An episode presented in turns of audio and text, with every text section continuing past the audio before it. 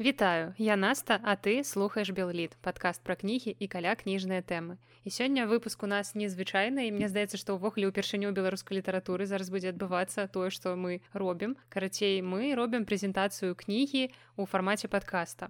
Сёння ў выдавестве Янушкевіч выходзіць кніга аўстрыйскага пісьменніка Эрвіна Мозара дзівоснай гісторыі на дабраныч можна сказаць што гэта такі працяг папярэдняй кнігі апавяданняў неверагоднай гісторыі на дабраныч. І сёння ў мяне ў гасцях прэзентаваць гэту кнігу разам са мной будзе Сергей матырка уласна перакладчык і першай і другой кніг добрый дзень таксама рада ўсіх відаць я вельмі хацеў зрабіць штосьці кшталту прэзентацыі гэтай кніжкі і вырашылі правесці ну такую своеасаблівую падкаст прэзентацыю каб яна была дасяжная для ўсіх людзей для ўсіх беларусаў і не толькі па ўсёй беларусі і па ўсім свеце каб кожны з вас мог віртуальна скажем так паўдзельнічаць у гэтай я спадзяюся цікавай імпрэзе і пачнём мы. І пачнём мы з таго што ўвогуле раскажам вам хто такі эрвін мозар адкуль ён чаму ён важны і чаму вось мы яго чытаем перакладаем выдаём. І ўвогуле эрвін мозар пераклад з нямецкай мовы але скажы што эрвін мозар гэта не нямецкі пісьменнік ён аўстрыец Праўда? Ну так. Чаму мы размаўляем пра эрвіна мозара тому что эрвін мозар это круты пісьменнік як для дзяцей так і для дарослых тому что яго караценькія вось гэтыя аповеды яны будуць цікавыя не толькі дзецям але э, сваёй вось такой філасафічнай накіраванасцю лёгкім таким таким налётам э, нейкага экзістэнцыяналізма пэўнага яна таксама будзе цікава для дарослых і караценькая такая інфармацыя пра самого аўтара як наста толькі што сказала гэта не нямецкі гэта аўстрыйскі пісьменнік і трэба сказаць што ён вельмі аўстрыйскі пісьменнік ён нарадзіўся на ўсходзе аўстрыі гэта федэральная земля бургерланд называется. Бургеры не адтуль пайшлі але мне гэта тэорыя таксама падабаецца эрвин мозер даволі складаны пісьменнік тому что у яго творчасці вось гэтая аўстрыйскасць яна заўсёды існуе і яна заўсёды пераследуе усе яго апавяданні Чаму Эрвін Мозар такі важны пісьменнік сказаць гэта вельмі цяжка, але э, я лічу, што гэта абумоўлена ў першую чаргу тым, што у Геррманіі увогуле ва ўсіх нямецкамоўных краінах Эрвін Мозар э, з'яўляецца пэўнага кшталту хрыстаматыйным пісьменнікам. Увогуле, калі гаспадар Андрэй Янушкевіч прапанаваў мне перакладаць яшчэ тады першы зборнік Эрвіна Мозара, на той час я абсалютна нічога не ведаў пра гэтага чалавека. Хто гэта такі калі ён жыў дзе нарадзіўся і гэтак далей. Тое што нейкі там аўстрыец я просто у душы не ведаў але праз месяц альбо два я паехаў у госці да сваіх сяброў у германію на тыдзень. І у маіх сяброў у іх э, маленькая дачка на той час іх было чатыры гады і мае сябры яны тады жылі ў германії здаецца ну гады два. Яны паехалі туды працаваць і нямецкую мову яны ведалі ну не вельмі так каб добра і таму калі я да іх прыехаў яны вырашылі э, пакарыстацца маім уменнем гаварыць па-нямецку то бок яны мяне бралі паўсюль ва ўсе установы якія толькі можна каб вырашыць свае справы якія. Вось так мы паехалі у ветэрынарную клініку так мы у падатковую таксама ездзілі у розныя дзіцячыя установы. І ва ўсіх гэтых установах вядома ёсць такія дзіцячыя пакоі дзе можна пакінуць ну, маленькіх дзетак каб ну, пакуль бацькі будуць вырашаць свае праблемы пытанні каб дзеці былі чымсьці занятыя. І я быў вельмі здзіўлены нават ашаломлены тым што ва ўсіх гэтых пакойчыках заўсёды ну, ляжаў стос кніг і сярод гэтых кніг заўсёды знаходзіўся якісьці зборнік эрвіна мозара альбо вось такія вялікія вось э, выдае Андрей янушкевич альбо ну такія меншыя зборнічкі. Але вось гэта ну просто абавязковы абавязковая чытанка ва ўсіх э, дзіцячых пакоях германії ну прынамсі мне здаецца так. І таму э, я лічу што эрвин мозар ён ну калі ён настолькі важны у нямецкамоўнай прасторы чаму ён не можа быць важным таксама і ў нас. Ты вось можаш сабе ўявіць такую сітуацыю калі ў нейкіх наших падобных установах у стаматалогіі у дзіцячай паліклініцы будзе ляжаць кніга якога-небудзь беларускага аўтара Ну я думаю что з часам нешта такое будзе вельмі круто гэта было вельмі круто. Гэта ну разумееш вы зараз у якіх-небудзь там платных э, медыцынскіх установах там ёсць дзіцячыя такія куткі дзе дзеці могуць там паляпіць штось вылепіць нешта з пласціліна дзе яны там могуць памаляваць і што-небудзь яшчэ зрабіць дык э, я думаю что ў хуткім часе таксама будут такі ну дзіцячы куток дзе таксама будуць ну сярод іншых таких дзіцячых забавак таксама будуць э, лежаць стосік кніжак Вось, ну і калі калі эрвин мозр будзе ў такім стосіку у нас у беларусе я буду вельмі перакладзе Вось я буду вельмі вельмі рады что яшчэ трэба сказаць про эрвина мозера? Эрвин мозер ён не толькі як я лічу яскравы пісьменнік ён таксама просто цудоўнейшы дзівоснейшы неверагоднейшы мастак. Усе свае гісторыі караценькія якія ён пісаў ён заўсёды маляваў да іх невялічкія малюнкі ну, на ўсю старонку якія поўныя просто перапоўненыя рознымі такімі драбнюткімі дэталямі і калі ты чытаеш усе гэтыя караценькі аповед табе потым вельмі круто вельмі цікава разглядваць э, вось гэтую карцінку ўсё што адбываецца ў аповедзе ўсё гэта можна знайсці на самой карцінцы і мяне заўсёды ну скажем так непакоіла такое пытанне што было раней малюнак альбо аповед Таму што ну прадказаць тут здаецца вельмі вельмі цяжка за свае малюнкі за свае аповеды таксама здаецца мне штосьці ёсць і ну, большая у яго ну большая форма чым аповеды. За сваю творчасць эрвин мозар быў некалькі разоў уганараваны рознымі прэміямі ну назвы гэтых прэмій можна знайсці я думаю у вікіпедыі альбо яшчэ дзе-небудзь. Я не буду. Таксама ну назвы гэтых прэмій можна знайсці у анатацыі да кніжак Ну і таксама варта заўважыць, што ёсць адна прэмія, якая наўпрост эрвіна мозара не датычыць, але датычыць чалавека, з якім я цяпер размаўляю.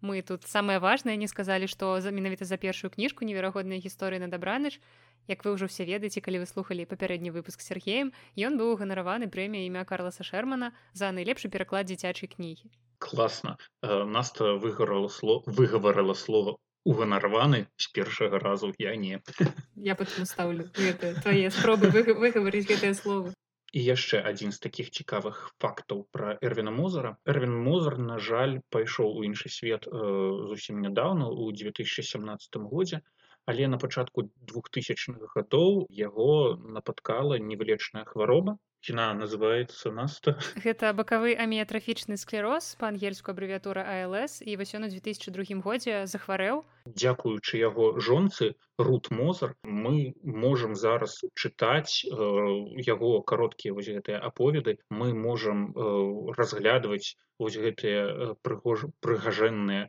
малюнкі і насалоджвацца. Ну наколькі мне вядома эрвіну мозару калі яго напаткала гэта хвароба яму было вельмі цяжка і пісаць і маляваць а ўжо жонка яна пераняла на сябе не толькі уласна кажучы вось гэтую вось гэты юрыдычны бок пісьменніцкай справы перамовы з выдаўцамі і гэтак далей.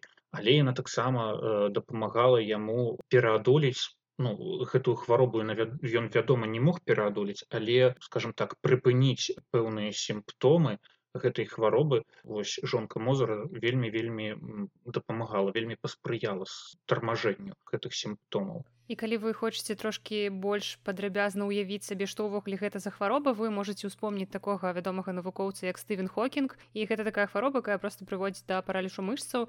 І твой розум усё яшчэ працуе але твоё цело ўжо адмаўляецца працаваць. І гэта ну сапраўды патрэбная такая вялікая мужнасць на тое каб э, нешта рабіць ведаючы што ты мог бы ў іншым стане зрабіць крыху больш. І таму таксама такое вельмі цікавае пытанне. Вядома што ну, хвароба яго напаткала на пачатку двухтысячных гадоў але вось наколькі яна магла паўплываць на яго творчасць трэба сказаць што найбольш актыўна і найбольш плённа эрвин мозар працаваў вядома да двухтысячных гадоў і усе асноўныя яго кнігі усе яго асноўныя апавяданні яны выйшлі вось менавіта у там 1980 90 гады у двухтысячных годах ну эрвин мозер на жаль нічога такого значнага амаль не напісаў тое што выходзіла потым гэта просто ну, былі зборнікі тых апавяданняў які эрвин мозер ужо напісаў раней таксама трэба сказаць што творы эрвина мозера карыстаюцца вельмі вялікай папулярнасцю не толькі у нямецкамоўных краінах але і па ўсім свеце вось гэтыя зборнікі которые я перакладаў выдадзеныя наколькі мне вядома у венгрыі і па ўкраіне але шмат ягоных іншых зборнікаў апавяданняў выходзіў выходзіла і ў рассіі і ў польшчы і шмат шмат дзе вось вкіпедыя кажа што яго творы былі перакладзеныя амаль на 20 моў свету.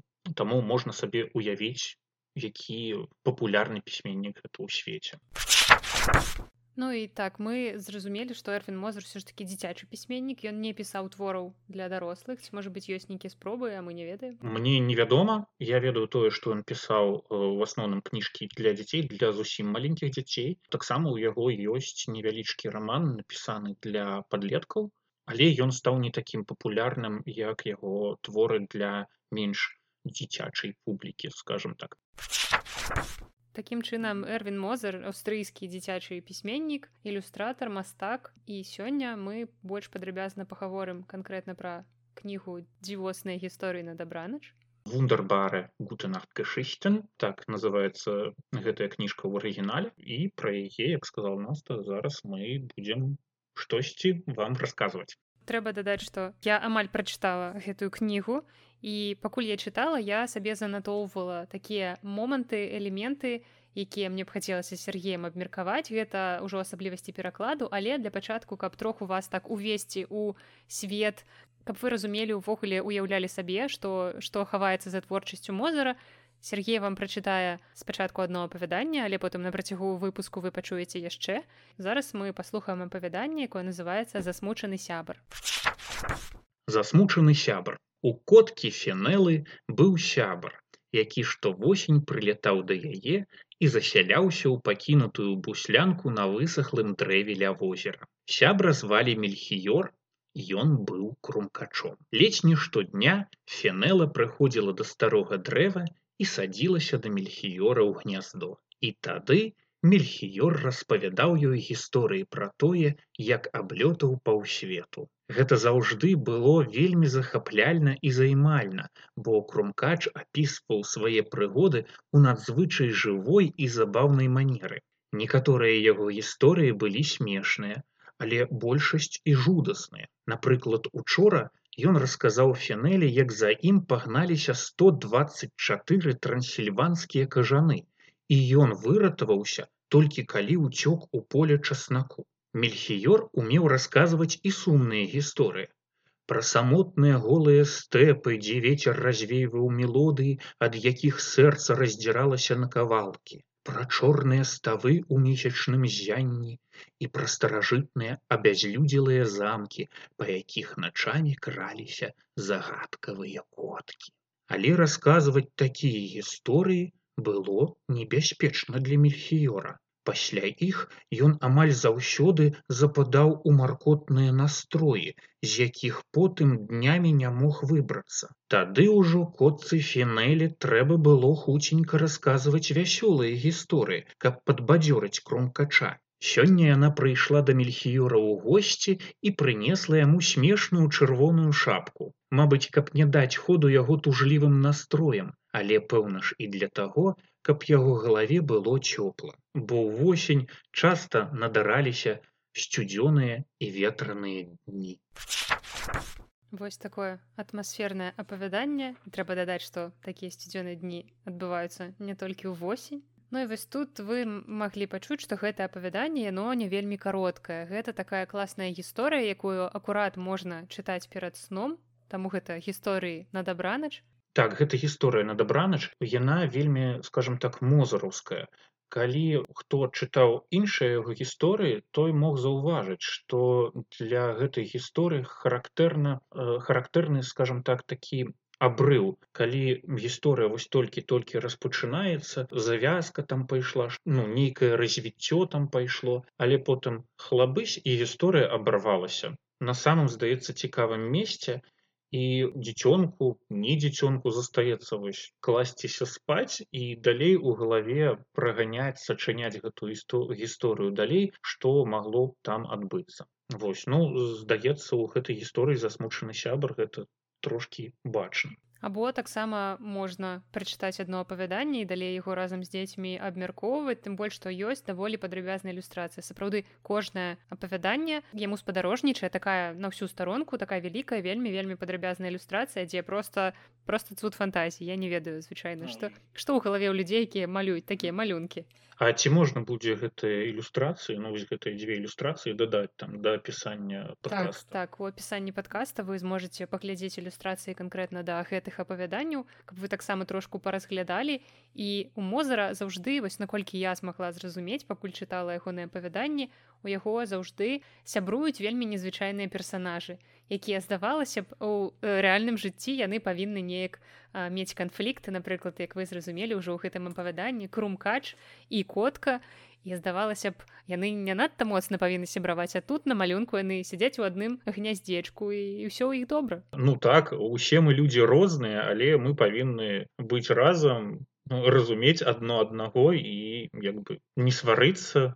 Ну і каб вы разумелі просто тут будуць сустракацца просто абсалютна неверагодна розныя тыпы сяброўства гэта каты якія катаюцца на слонах там мышка і цапля ну шмат шмат розныя камбінацыі якая вось фантазія у эрвіна мозара вось такія камбінацыі сяброўства можна знайсці у яго вось гэтых кароткіх апавяданнях увогуле для эрвіна мозара як я сказаў для яго творчасці вельмі характэрна вось гэтая вось аўстрыйскасць справа ў тым што літаральна ледзь не ў кожным яго апавяданні можна знайсці тую ці іншую адсылку да Аўстрыі да аўстрыйскай культуры. І калі я гэта перакладаў мною і маёй рэдактаркай ольгай гронскай было прынята рашэнне што мы вось гэтую аўстрыйскасць каб яе не тлумачыць для дзяцей вельмі малога веку тры-чатыры гады так ці іначай мы будзем гэтую аўстрыйскасць абеларушваць каб яна была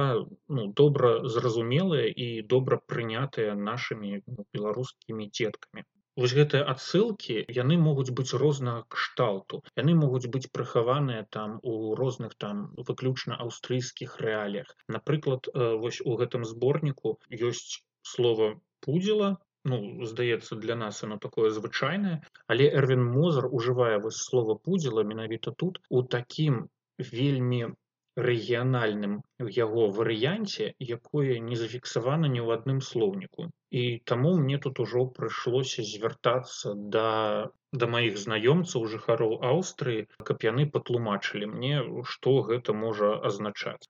Ну здаецца там па кантэксце мне было зразумела што гэта пудзіла але я вельмі вельмі хваляваўся што я штосьці зразумею не так. Ну і таму мне даводзілася складаць такі невялічкі спіс просто каб людзі мне банальна патлумачылі што так ты разумееш гэта правільна гэта першае вось такія рэаліі а другое вось таксама самае цікавае як мне здаецца за імёнамі за прозвішчамі герояў эрвіна мозара хаваюцца рэальныя людзі не толькі аўстрыйцы якія жылі існавалі якія штосьці рабілі тварылі якія э, вядомыя аўстрыйцам імёны якіх вядомыя аўстрыйцам. І калі яны чытаюць што вось там напрыклад быў код ботеро у іх адразу спрацоўвае ага, у нас вось там быў такі архітэктор ботеро который рабіў там скульптуры пэўнага складу і который вось вельмі вельмі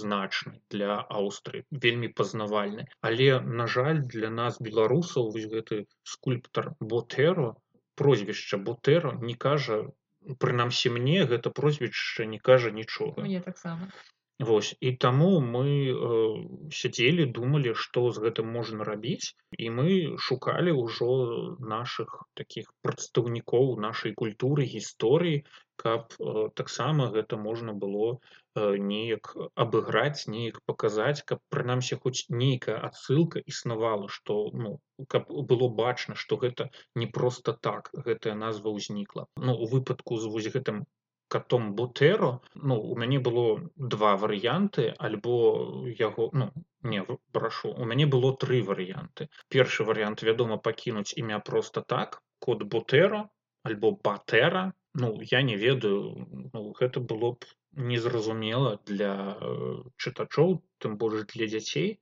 таму гэты варыянт ён узнік і адразу насупраць яго я паставіў не ну і пачалі думаць пачаў думаць далей што з гэтым можна рабіць. І ў мяне нарадзілася яшчэ два варыянты. Альбо назваць гэта кота баторый прынамсі я ведаю Стэфана баторыя з вось гэтых малюнкаў з гравюр калі там пухленькі. У жупа, жупан не жупанная апрануты.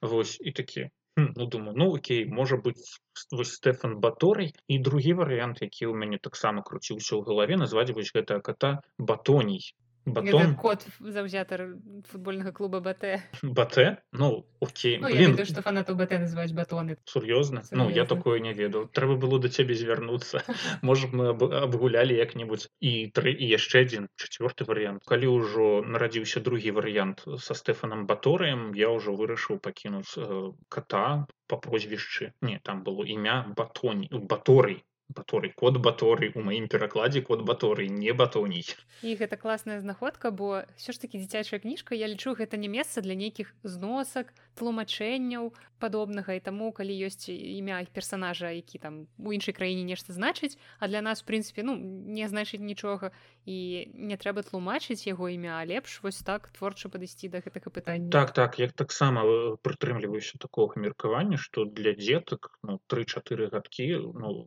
навошта штосьці тлумачыць калі можна штосьці перарабіць ну, мне здаецца што для кнігі шмат сэнсу гэта не мае і як бы дзеці беларускія нічога не згубяць чытаючы гэта ў беларускім перакладзе а людзі ўжо больш дарослага веку ну яны чытаючы гэтыя э, апавяданні ў голас сваім дзецям яны лішні раз посміхнуцца калі сустрэнуць кота баторыя і калі будзе ўжо адсылка працаваць на стэфана баторы тоўсценькага ўжо пане ну гэта будзе вельмі круто. Ну, так, прынамсі адбылося ў мяне. Я чытаючы кнігу рыхтуючыся да нашай сённяшняй прэзентацыі я шукала вышуквала вось гэтыя такія моманты я сабе записывала потым я чытала электронны макет кнігі і записывала сабе тыя моманты якія мне асабліва спадабаліся. Такой можна сказаць перакладчыцкай адаптацыі. Вось код баторыі быў у ліку гэтых таксама мы можам успомніць яшчэ некалькі такіх імёнаў якія гаворачых якія вы можете сустрэць у гэтай кнізе вось я пакуль чытала занатоўвала напрыклад там быў герой якога звалі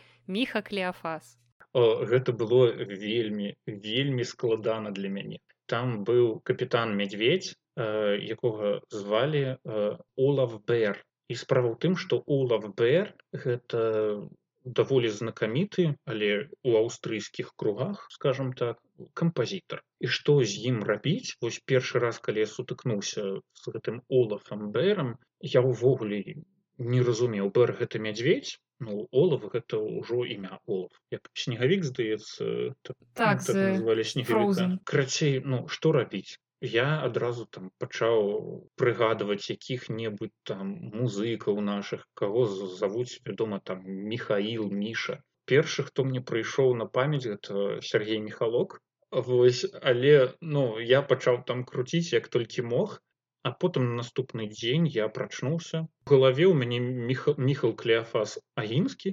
І такі о, чаму не зрабіць яго ну, капітан мядзведь міха клеафас. Таму ну, я вырашыў пакінуць вось гэта міха клеафас зрабіць яго. Ну і трэба дадаць, што тут ёсць гульні розныя са словамі не толькі ў імёнах, таксама ўвогуле у розных назвах магчымых вось тут аказалася з тапонімамі такая сітуацыя. Калі герой, таксіст яго тэлефануць яму і клічуць яго на вуліцу калючую як яму пачулася. Даехаў датуль там быў дом выглядзе кактуса і тут ён зразумеў што не ён відаць не туды прыехаў бо жыхары гэтага дома яго не выклікалі. І потым да яго даходзіць што магчыма ён павінен ехаць не на вуліцу калючую а на вуліцу якая знаходзіцца бліжэй называется вуліца каля ручая. Цікава як ты да гэтага дайшоў і як называлася гэтая вуліца ў арыгінале чым тебе давялося працаваць? Здаецца мне што гэта была самая вось вялікая моя праблема у гэтым зборніку менавіта вось з гэтым тапонімам таму тому что рашэнне прыйшло ну самае апошняе. Увогуле гэтая вуліца называлася ў арыгінале кактусвальд айнс кактусавы лес адзін і мне трэба было гуляцца менавіта вось са словам кактус ну вядома адразу кактус валь там справа ў тым што трэба было таксама перабіць назву і на малюнку. Кактус вальт было напісана па-нямецку і трэба было э, зрабіць э, назву вуліцы даволі кароткай каб усе вось гэтыя літары змясціліся па-першай каб яны чыталіся больш-менш нармальна і дзецям і дарослым. І таму ну кактусавы лес адразу ў мяне вылецеў як варыянт тому што нічога такога мне не прыдумвалася потым сказаць па шчырасці я недзе недзе вычытаў што правільна казаць кактусовы некалькі дзён я ганяў думку ў галаве што зрабіць з кактусовым кактусовая вуліца кактусовая правільна кактусавая але чамусьці вось два дні я ганяў вось менавіта варыянт кактусовай потым мне прыдумалася вуліца каласовая вуліца кактусовая ну окей згуляцца вось так можна і потым ужо калі я пачаў гэта пісаць занатоўваць я такі ну возьму так пераправеру сябе яшчэ раз. І тут я разумею што ўсе гэтыя два дні я думаў неправільна і мне давялося думаць заново прыдумваць нешта з варыянтам кактусава на жаль з кактусавым варыянтам мне нічога не прыдумалася і тады я падумаў як мне перарабіць кактусавую вуліцу каб штосьці такое кактусавае захавалася і так я прыйшоў да вуліцы калючай і потым ужо гуляўся з гэтай назвай і як ну яна ў мяне ўжо стала вуліца калючая вуліца каля ручая Ну, у любым выпадку сувязь з кактусамі захавалася бо там як я уже сказала у ілюстрацыі прысутнічае дамок у выглядзе кактуса на той самай вуліцы калючай адзін але тут прызнаюся мне трэба было пафантазіраваць думаю як самому эрвіну мозару каб прыйсці да вось гэтага рашэння Ну і таксама калі чытаеш кнігу то ясна што кожны знаходзіць свае сэнсы але вось тут такая прыемная усмешка для Сергея. Калі я чытала апавяданне з героем якога завуць барсук гюнтер то я думаю што ўсе знаёмыя Сергея якія чытаюць гэта апавяданне думаюць у гэтым жыцці толькі пра аднаго гюнтера. І гэта нямецкі вядомы пісьменнік гюнтер грас Але я думаю што эрвин музер ён не спасылаўся да гюнтерграса там просто барсука реально завуць гюнтер. Так але вось у нас такая стойкая асацыяцыя увогуле Сергея з гэтым аўтарам ну... ён яшчэ не пераклаў не, не выдаў пераклад не ну трэба сказаць па шчырасці што я таксама гуглю усе ўсё ну усе магчымыя э, варыянты гюнтараў як яны могуць там быць звязаныя даксам. Дакс гэта барсук па-нямецку. Ну магчыма што там прозвішча ў кагось у якога-небудзь вядомая гюнтера была дакс. Таму гуглю але нічога такога не знайшоў. Таму у гэтым выпадку я вырашыў захаваць менавіта арыгінальны варыянт Але тут я прапаную табе давай я прачытаю другое апавяданне эрвіна мозара там таксама ёсць такія прыгожыя цікавосткі которые думаю таксама прымусяць вас усміхнуцца. І вось вы спачатку паслухайце занатуйце сабе ў галаве ці нешта такое незвычайнае было ў гэтым апавяданні дзе ёсць чым пагуляцца. Вось а потым пасля таго як Сергейку прачытае мы гэта абмяркуем. Апавяданне называется каты экстрасэнсы радыёвяшчальная станцыя рк радзіва каток пабудавала ў гарах новую радыёстудыю. Калі яе ўвялі ў строй у эфір усё часцей часцей сталі прабівацца невытлумачальныя перашкоды. Рамонтнікі грунтоўна перагледзелі ўсю станцыю але нічога не знайшлі нават драбнюсенькай неспраўнасці просто чартаўшчына нейкая Сапраўды, усё выдавала на тое, быццам у справе замяшаныя звышнатуральныя сілы. І вось выявіць прычыну гэтага феномена даручылі доры і дорыяну двум катам экстрасэнсам. Дора з дорыянам былі слыннымі прадказальнікамі. Пагаворвалі, што яны валодаюць цудадзейнымі і чарадзейнымі сіламі. Так каты таўстуны з дзвюма мышкамі асістэнткамі прыехалі на станцыю. Яны прынеслі з сабой кош і ветразь. У доры на галаве былі навушнікі. Дорыем трымаў у адной лапе сланечнік, а ў другой радыёпрыёмнік. Стары і відавочна пусты ўнутры, бо адна з мышак вызірала з праёма для дынамі. Каты прайшлі да будынка радыёстудыі, супрацоўнікі радыё за імі ўслед. Ніхто не вымавіў ні слова. Раптам Дора спынілася і ўторкнула штэкер сваіх навушнікаў у зямлю. Прыслухалася, потым заківала. Дорыян падышоў да будынка студыі, скіраваў кветку сланечніка да сцяны, прыклаў вуха да сцябла і нешта прашаптаў мышцы ў радыёпрыёмніку. Рамонтнікі ўбачылі гэта і пагардліва пахіталі галовамі. Урэшце Дора падышла да шэфа радыёстанцыі і сказала: Справа простая. Дакладна праз гадзіну перабоі будуць канчаткова выпраўленыя. Рамонтнікі студыі рассмяяліся. Ну і не сусвеціцца, усклікнуў адзін, а другі: махлярства чыстай вады, смех ды і годзе. Дора з дорыянам і вухам не павялі. Толькі кіўнулі супрацоўнікам радыё і разам з прыборам і мышкамі забраліся ў прынесены кош. Дорыян паставіў ветразь і пад бясконцыя ахі-охі супрацоўнікаў кацінага радыё кош павольна ўзняўся ў паветра. А ў кашы не было ж ніякага матора, нідзе не было бачна ані прапелера, ані крылаў. Аднак гэтая штуковіна злятала з усё большай хуткасцю. І роўна праз гадзіну адзін малодшы электрык знайшоў кабель, які адышоў ад антэны. Электрык падключыў яго, і тым самым перабоі былі канчаткова выпраўленыя. Акурат як і прадказвалі дора і дорыян каты экстрасэнсы. Ну і калі вы уважліва слухали гэтае апавяданне Я думаю што першае за што ў вас павінна было зачапіцца хацела сказать вока вуха гэта радыёстанцыя радыёвяшчальная станцыя радзіва каток Мне здаецца тут вось са словам радыё радзіва у беларусаў есть две такія асацыяцыі гэта радыёвабода але вось новая гэта радзіва каток ну зразумела што ну карце мне больш падабаецца вось твоя гульня. Пакуль ты чытаў я ў галаве круціла як можна было пабыграць вось калі б у нас не было горвата як можна было пабыграць радыёвабод не там насамрэч усё было адначасова і проста і трошки складана. Складана таму што гэта было выдуманае слово кацинфунк кацінае радыё але ну гэтае слово кацинфунк яно вядома неўласціва для нямецкай мовы. Гэта была прыдумка эрвіна мозара і таму тут таксама мне захацелася трошки пафантазіраваць. Сказаць па шчырасці я не думаў пра радыёвабода у дадзеным выпадку.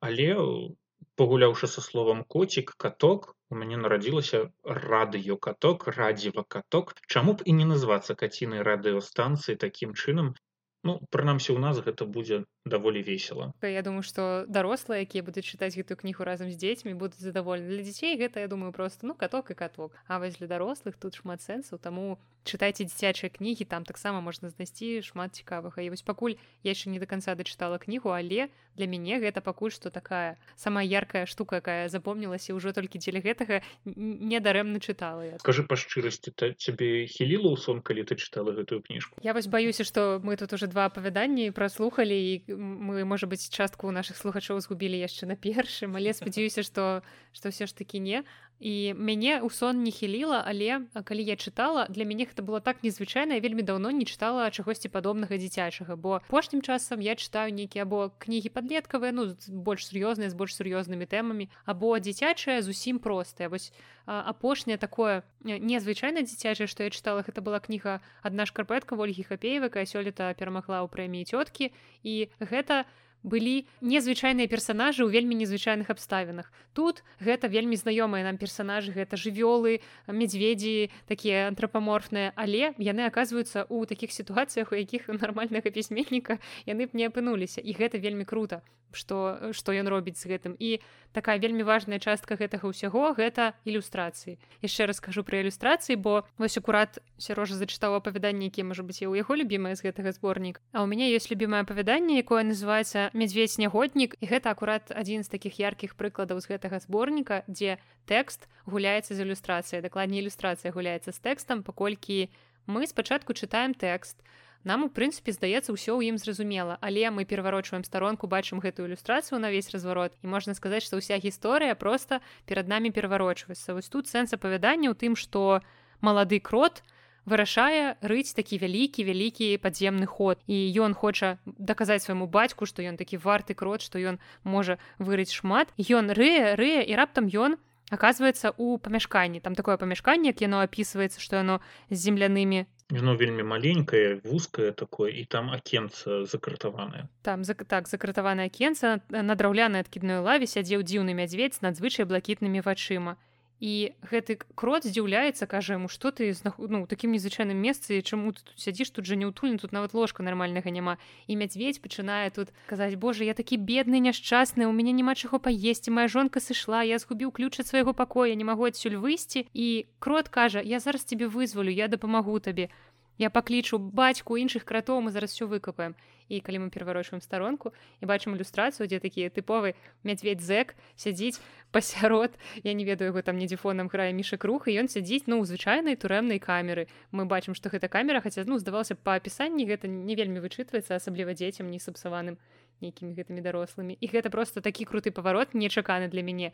я чытала гэта ў метро я ледь не разрагаталася на ўсё метро настолькі гэта было нечакана і круто. Я б не сказаў бы што гэта тыповае апавяданне для эрвіна мозера. Але дзе-нідзе ён такія павароцікі вельмі ўдала выкарыстоўваў Ён вельмі любіць гуляцца менавіта на такіх э, супрацьлегласцях. У яго каты сябруюць з мышкамі пугачы сябруюць з мышкамі. Ну такія жывёлы которые просто не прыстасаваны жыць адзін за адно з адным ну яны сябруюць. Але што яшчэ трэба сказаць пра асаблівасць перакладу гэтага зборніка? Тут мне давялося таксама некаторым жывёлкам мяняць пол і э, у першым зборніку які перакладаў такога у мяне не было на шчасце але тут напрыклад мне давялося чаплю зрабіць дзяўчынкай у арыгінале. Гэта быў хлопчыкам. І яшчэ некалькі разоў таксама я зараз не згадаю у якіх месцах андатра не анд... ну, сэнсе ў беларускім беларускай мове андатра гэта звычайна жаночы рот але там андатар андатар ну вось тут я ўжо вырашыў пагуляцца таму што там быў мужчына андатар таксама мне трэба было зрабіць хлопчыка зве з вавёркі каб э, чыталася менавіта са слова вавёрка што гэта не дзяўчынка а хлоп. Гэта той пятров вавёрыч. І ёсць яшчэ ў адным апавяданні просто вавёрык ну таксама міла так. Трэба было захаваць вось хлопчыка у дзяўчынак але у некаторых выпадках вось выключна з вось гэтай чапляй мне не заставалася нічога як мяняць пол гэтай чаплі і дзякую Богу што дзякую эрвіну мозару што там гэта абсалютна ніяк не гуляла па сюжэце хлопчык гэта ці дзяўчынка Ну і таксама заўважаеш для сябе нейкія такія ўжо не імённыя знаходкі напрыклад мяне вельмі павесяліла слова моратрус ну гэта такі разрыў шаблона калі ў цябе існуе слова землятрус а потым ты бачыш ілюстрацыю карабль на моры і тут раптам моратрус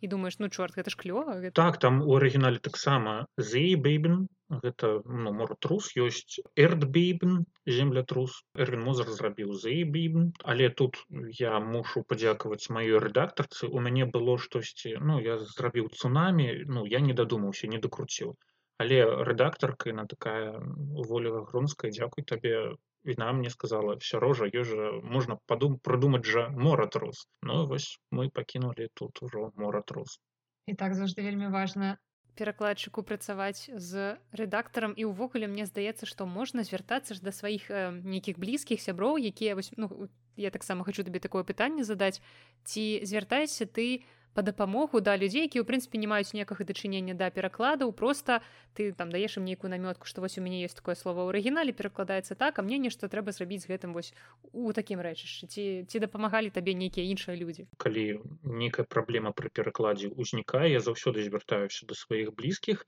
да сяброў да знаёмых да калегаў да людзей якім гэта цікава у першую чаргу часам штосьці нараджаецца. Але э, мне гэта трэба ў асноўным для таго каб просто вось гэтую ідэю вось гэтую праблему прагаварыць каму-небудзь. І часам вось у размове у маім вось гэтым маналогу можа нарадзіцца ўжо ідэя у маёй галаве. Вось таму ну мець чалавека якому ты можаш высказаць вось гэтую перакладчыцкую праблему гэта гэта вельмі важна. Нават калі гэты чалавек ну можа табе нічым не нічым не дапамагчы і яшчэ одна такая штука у малюнках якая мяне вельмі парадавала калі я ее убачыла мяне як аматара музыкі там была жоўтая подводная лодка она так і называется і у прынцыпе на малюнку яна выглядае як як тая самая жоўтая подводная лодка сказаць па шчырасці калі я перакладаў я звычайна перачытваю э, вось гэтае кароткае апавяданне менавіта ў кніжцы разглядываю малюнак і калі я у сустрэў вось гэтую жоўтую подводную лодку я адразу там просто малоўка у кніжцы напісаў Beatles і такі думаю ну зараз зараз я што-небудзь так пагуляюся але у самім апавяданні гэта як мне падаецца ніяк не сыграла але э, я вырашыў вось у першым выпадку калі яна сустракаецца э, пакінуць менавіта ў такім варыянце жоўтая подводная лодка. Калі якая асацыяцыя сапраўды існуе то э, хай будзе жоўтая подводная лодка Ну гэта такі культурны маркер гэта жоўтая падводная лодка я думаю ну, дарослыя таксама расчытаюць гэта і ну просто будзе прыемна падумаць Ну а цяпер калі ты мне кажаш што ўсё ж таки вось гэтая жоўтая падводная лодка і на вельмі вельмі падобная да таго мульціка так, таксама у апісанні будзе э, гэты малюнак каб вы смаглі ўбачыць калі вы яшчэ не зможаце пахартаць кнігу пакуль але вы ўбачыце гэты малюнак таксама можете нам у каментарях напісаць ці падобна яна бо мне падалося што ну просто нават форма такая ж самая бо падлодку мне здаецца можна мноствам розных спосабаў намаляваць больш выцягнутую там яшчэ нейкую але гэтая вось такая тыповая тая самая жоўтая падводная лодка. Таму усе вось гэтыя розныя цікавосткі усе вось гэтыя прыгожыя на маю думку асацыяцыі і адсылкі вы можете знайсці у новай кніжцы якая выйшла акурат сёння дзівоснай гісторыі на дабранач эрвіна мозара тое што мы з настай зараз абмеркавалі гэта толькі вяршыня айсберга што вас там чакае насамрэч там 77 вось такіх дзівосных апавяданняў з рознымі адсылкамі з рознымі цікавосткамі з рознымі прыгажэзнымі малюнкамі якімі вы будетеце я ўпэўнены зачытвацца захапляцца. І я спадзяюся што вас будуць чакаць вельмі цёплыя утульныя мройлівыя сны і ну, я лічу што гэта просто атрымаецца выключны падарунак на каляды на новы год э, ды просто з любой нагоды э, як дзецям так і дарослым. Таму ад сённяшняга дня шукайце на сайце на сайце выдавецтва янушкевич новую кніжку эрвин мозар. Дзівоснай гісторыі на дабранач Ну і зразумела што спасылка будзе ў апісанні да гэтага выпуску там дзе вы можете купіць гэтую кнігу самым танным варыянтам Таму я спадзяюся што вам яна прыйдзецца даспадобы і дзякуй што вы былі з намі. Я нагадаю што сёння як скажем у нашай віртуальнай студыі быў перакладчык Сергей матырка які ўласна гэтую кнігу і пераклаў. І таксама я наста. Можа быть яшчэ што-небудзь хочаш дадаць? Дзякую за тое што ты мяне наста запрасіла. Дзякую вам за ўвагу. Мне было вельмі прыемна і спадзяюся што мы з табой паразмаўляем што мы з вами чуемся зараз не ў апошні раз Дзякуй вам усім за тое што вы нас слухали. І на гэтым мы развітваемся з вами былі наста і Сергей. Да сустрэчы